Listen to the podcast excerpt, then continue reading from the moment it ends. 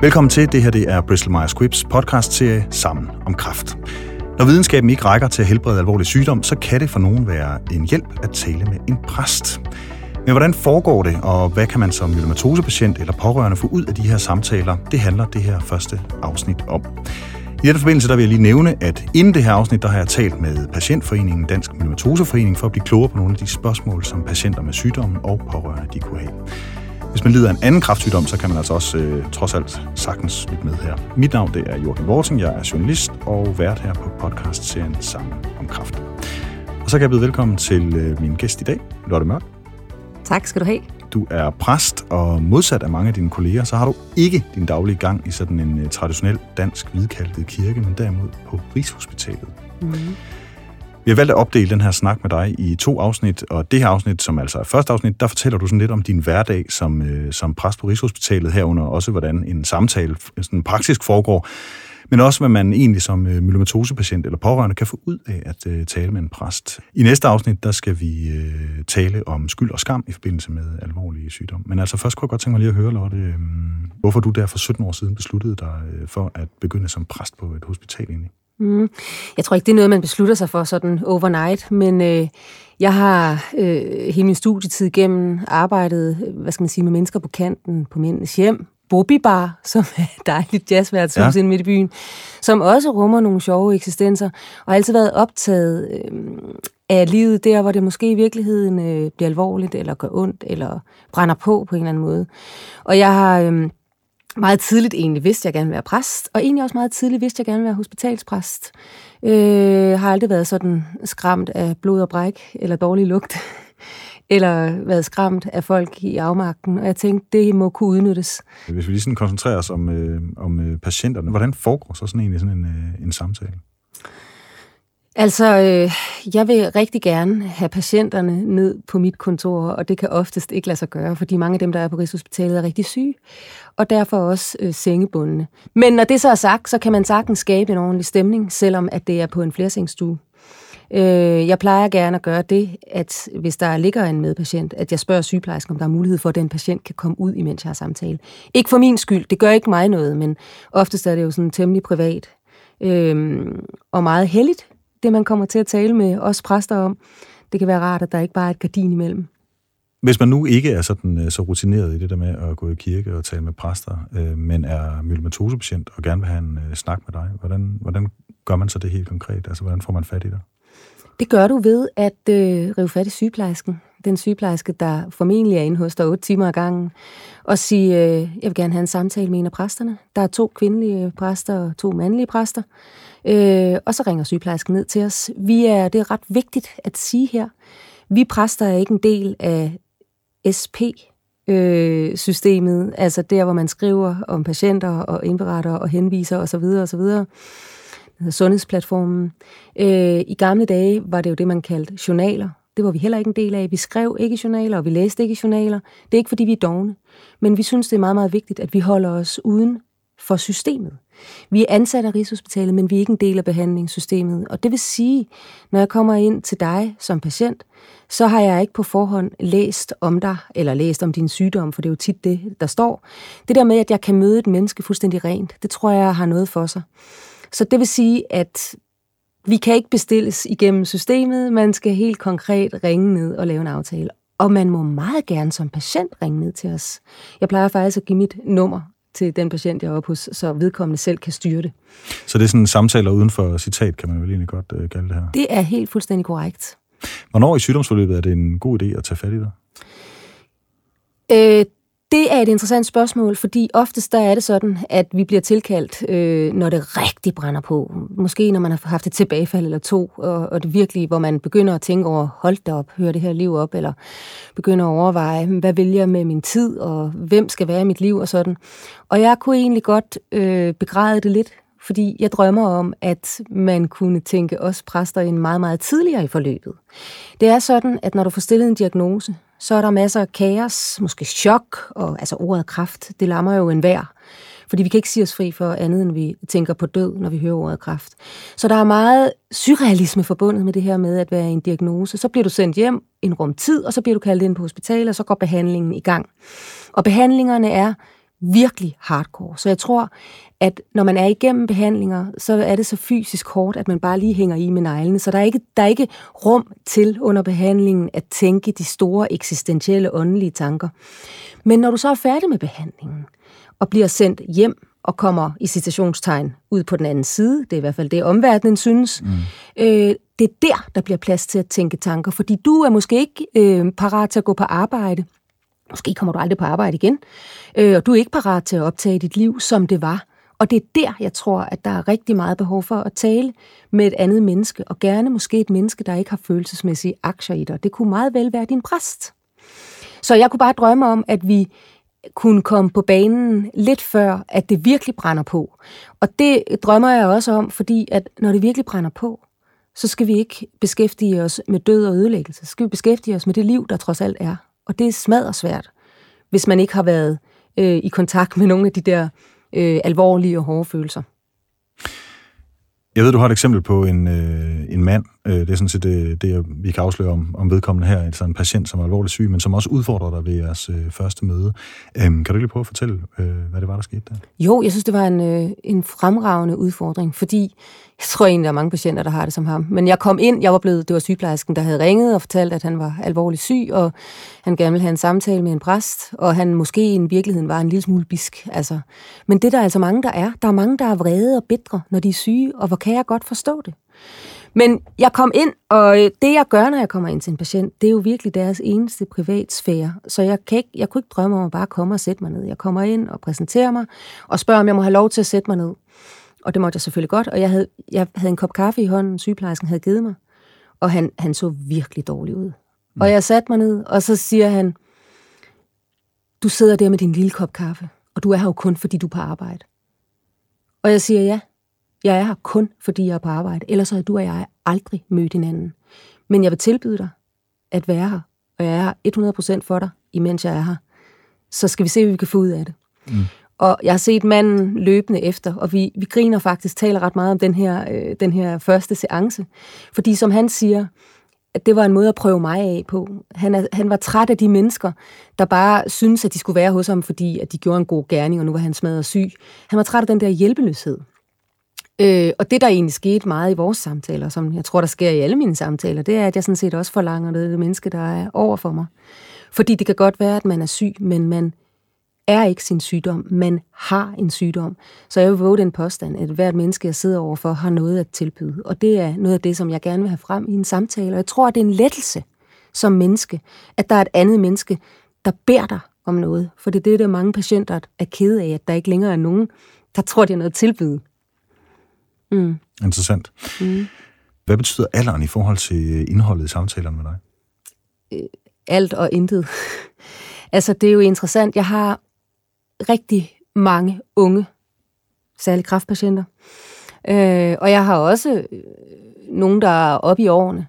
Og jeg må bare konstatere, at det er mange af de samme temaer, der er på spil, når det handler om det eksistentielle og åndelige, der selvfølgelig handler om identitet, hvem er jeg nu, når jeg er syg, hvordan kan jeg leve med den her sygdom, og hvorfor rammer det mig, og alle de der ting, som vi kommer mm. meget mere ind på senere. Men det er jo klart, hvis jeg taler med et meget ungt menneske, at hvis du bliver ramt som ung, så vil du måske have en tendens til at øh, råbe mod himlen, hvorfor rammer det her mig? Fordi det er fuldstændig unaturligt. End hvis du taler med en øh, mand på 84, så kan det godt være, at det ikke er så mærkeligt, at man bliver ramt af et eller andet, for det gør vi jo alle sammen. Det ja. siger statistikkerne. Ja. Så det kan godt være, at det er nogle lidt andre spørgsmål, men et eller andet sted, jeg havde en 91-årig mand for et par uger siden, der sagde, hvorfor har jeg fået kraft, det er så uretfærdigt, hvor jeg hørte mig selv sige, jo, altså, hvad er du forventet? Øh, 91 år er også ja, en slags ja, alder. Jo, ja. Så det er jo også afhængigt af, hvem du er som menneske, tænker jeg. Men jeg tror bare, at det er mange af de samme spørgsmål, der bliver stillet. At, at der er også noget, der er noget helt sådan grund, grundmenneskeligt, nogle grundmenneskelige spørgsmål, vi stiller. Mm. Ja. Har du et mål med samtalerne? Altså gælder det om at definere det sammen med patienten, eller, eller har du ligesom personligt et mål for de, for de her samtaler, du har? Det kan jeg svare klart nej til. Altså, en gang imellem gør jeg faktisk det, at jeg lige går forbi kirken og sørger for at kigge op mod himlen og sige, please, tag det ansvar fra mig, jeg alligevel ikke har. Øh, mit mål er ikke at have et mål. Min plan er ikke at have nogen plan. Og hvis du vidste, hvor grænseoverskridende det er, fordi vi hele tiden er vant til at lave planer, så vi har en eller anden form for kontrol. Det her med, at jeg går ind til et andet menneske og faktisk siger, jeg har ikke nogen plan med dig. Men det, det er ikke det samme som at sige, at vi ikke skal noget sted hen. Fordi øh, der er masser af bevægelse i de samtaler, jeg har. Jeg tror, i det øjeblik, jeg tør slippe kontrollen og sige, jeg er her bare med alt, hvad jeg er, og jeg tager alt med. Og jeg tør være i håbløsheden, jeg tør være i magtesløsheden, hvilket der ikke er så mange, der måske tør. Alene det leder til en helt klar lettelse eller forløsning, har jeg faktisk næsten lyst til at sige. Det er ikke at skulle løse noget. Det er ikke at have en definition eller et, et klart mål. Det tror jeg i sig selv kan være en forløsning, og det er noget af det, sjælesorgen kan, i modsætning til psykologien og terapien. Sjælesorgen går med derud, hvor man ikke kan bunde. Altså går med patienten derud, fordi patienten er oftest derude, hvor man ikke kan bunde. Så øh, det er klart, at i sjælesorgen, der handler det jo også om, om alt det, vi ikke ved noget om, men som vi er nødt til at tro på. Jeg havde nok fornemmet, at du ville sige, øh, at du ikke havde et mål her, men altså, øhm, hvad håber du så, at patienterne og pårørende ligesom får ud af de her samtaler? Hvis jeg har haft succes med en samtale, så er det fordi, der er en patient, der går ud af min dør, eller jeg går for en patient, der siger, tak, det lettede. Der er jo ikke sket en ændring. Altså, øh, jeg har jo ikke trøstet øh, patienten glad. Øh, jeg tror faktisk, trøsten er, at der slet ikke er nogen trøst. Men det er der jo ingen, der tør sige til dem. Hvad skulle man dog sige til et menneske, der er uhelbredeligt sygt? Skulle man sige, det skal nok gå, eller der er så meget at leve for, og du er trods alt stadig. Alle de der bla bla, altså, det gider patienterne ikke at høre på. Jeg tror, patienterne har brug for, at der er et menneske, der faktisk tør se dem der, hvor de er, ude på det dybe vand. Og hvis man bliver set der, fordi det er jo virkeligheden det, det handler om for os mennesker, det er at blive set som dem vi er, der hvor vi er. Og det tror jeg i sig selv bringer en lettelse eller en forløsning med. Så, så, så hvis der skal noget ud af det her, så kunne det være en lettelse eller en forløsning, i hvert fald for en stund. Ja, fordi det er måske svært at forestille sig, at øh, pårørende kan, kan være helt på samme måde, som du kan i den der håbløshed. Ikke? Skal og, skulle, ikke. og skulle kunne sige de der ting der. Altså, øh, så, så det er måske i virkeligheden der kernen i, i samtalen med dig, eller hvordan? Øh, personligt har jeg selv overvejet, hvordan jeg er. Jeg har haft en del sygdom inde på livet øh, i en nær familie. Og øh, øh, selvfølgelig er de pårørende ikke med deres øh, elskede, som jeg er. Jeg er bare deres præst. Øh, og jeg har ikke følelsesmæssige aktier, fordi det er jo det, der er hele forskellen. Øh, og oftest er der øh, rigtig stor lyst til at handle, når man er pårørende. Mm. Fordi så længe vi handler, så gør vi dog noget, frem for bare at lade en stå til eller opgive. Så selvfølgelig skal det ikke være på samme måde øh, med deres pårørende. Mm. Har du et godt råd til, hvordan pårørende så rent faktisk øh, kan tage den der, øh, man kunne kalde den den svære snak, ikke? altså mm. øh, med, med, med deres øh, kære? Ja, det har jeg masser af gode råd til. Altså, problemet er bare, at det kræver én ting, nemlig mod. Mod til ikke at ville handle hele tiden. Mod til ikke at kunne styre eller have den der kontrol, man jo alligevel ikke har. Og jeg tænker, Øh, helt konkret, øh, hvis jeg skal give et godt råd, så vil jeg, tror jeg, som pårørende, sige det, jeg tænker, eller sige det, jeg undrer mig over. Og det kan være hamrende svært, for det gør skide ondt. Og hvis, hvis jeg som pårørende ikke håber, hvad så med patienten? Altså, jeg er nødt til at holde håbet højt, er der mange pårørende, der tænker. Men jeg tror en gang imellem, at patienterne føler sig overset når de pårørende render rundt og vil handle hele tiden. Så brug den der undren, du har som pårørende. Hvis det var mig, der var i dine sko, så tror jeg faktisk, jeg ville være bange. Er du det? Og hvis du er, så er jeg lige her sammen med dig. Men jeg tror, jeg vil bruge min undren. Det er i hvert fald noget af det, som jeg selv bruger som præst. Og det virker, skal jeg hilse at sige. Ja. Snakker du også med de pårørende? Ja, det gør jeg. Jeg snakker næsten lige så meget med de pårørende, som jeg snakker med patienterne. Og øh, de kan på samme måde få sygeplejersken til at ringe til mig, eller selv kontakte mig, øh, og har ret til at øh, have samtaler med mig. Og jeg har også en gang imellem samtaler med både patient og pårørende sammen. Det er faktisk ikke sjældent. Fordi det kan være super svært at få talt om nogle af de her ting, selvom man er meget tæt, selvom man elsker hinanden højt, måske lige præcis derfor kan det være svært. Mm. Og der kan jeg som en tredje person facilitere øh, måske en samtale, der, øh, der ikke ville kunne være blevet taget, hvis ikke der var en tredje person, som ikke har nogen aktier.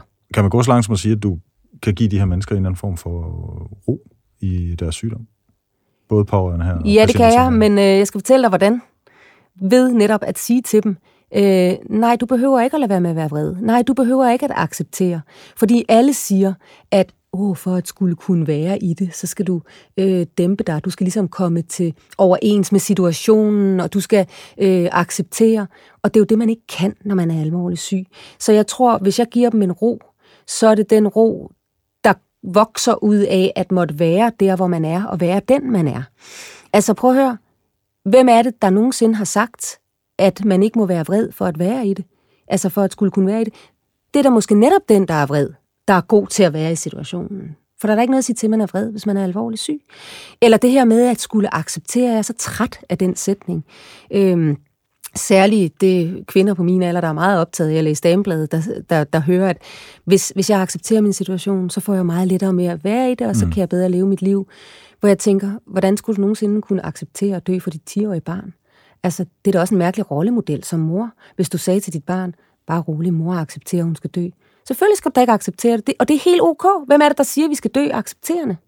Det er en underlig norm, vi har lavet her i det her samfund. Og nu er vi ved det der samfund, der vi alle sammen bor i her, så er vi jo altså ikke sådan uh, traditionelt særligt religiøse herhjemme. Øhm, oplever du, at vi bliver mere religiøse, når vi uh, får konstateret en alvorlig sygdom? Jo, det der er lavet undersøgelser om, faktisk selvfølgelig mest internationale, øh, at det viser sig, at hvis man er, bliver alvorligt syg, så tænker man mere over det religiøse. Vi lavede en undersøgelse på Rigshospitalet snart nogle år tilbage, hvor vi spurgte 1000 indlagte patienter øh, i alle mulige specialer øh, om 40 forskellige spørgsmål, der angik det religiøse, åndelige, eksistentielle. Hvad sætter du din lid til? Beder du bønder? Har du brug for Gud? Og så videre. Og der viste det sig, at jo mere alvorlig syg man ser sig selv være, desto mere tænker man over formål og mening med livet. Og det synes jeg er meget logisk. Sådan vil det være. Det er ikke overraskende. Mm. Men der kom nogle andre resultater ud af det. Nemlig at 72 procent angav, at de var troende mennesker. De sagde jo ikke noget om, hvordan de er troende. Det kan være på Gud, eller på Allah, eller det kan være mm, mm. på naturen, eller hvad ved jeg. 62 procent angav, at de ligger og beder bønder på Rigshospitalet.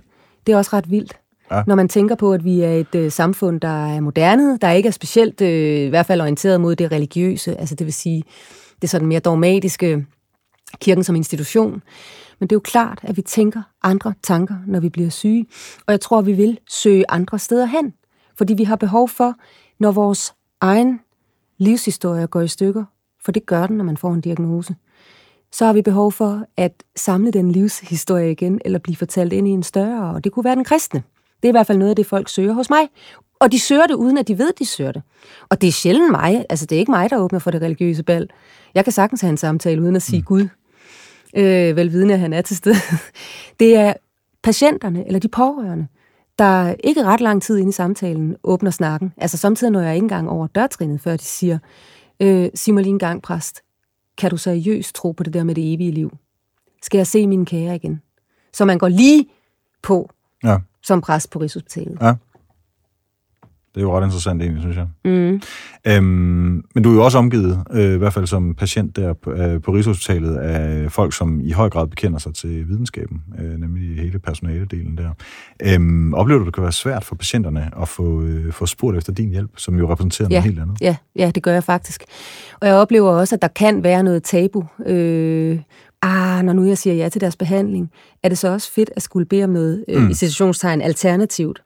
Der er i hvert fald mange patienter, der ikke tør tale om deres alternativ behandling. Ja, ja. Nu vil jeg ikke sidestille folkekirken ja. med alternativ behandling. Det er jo en trosretning, kan man ja. sige.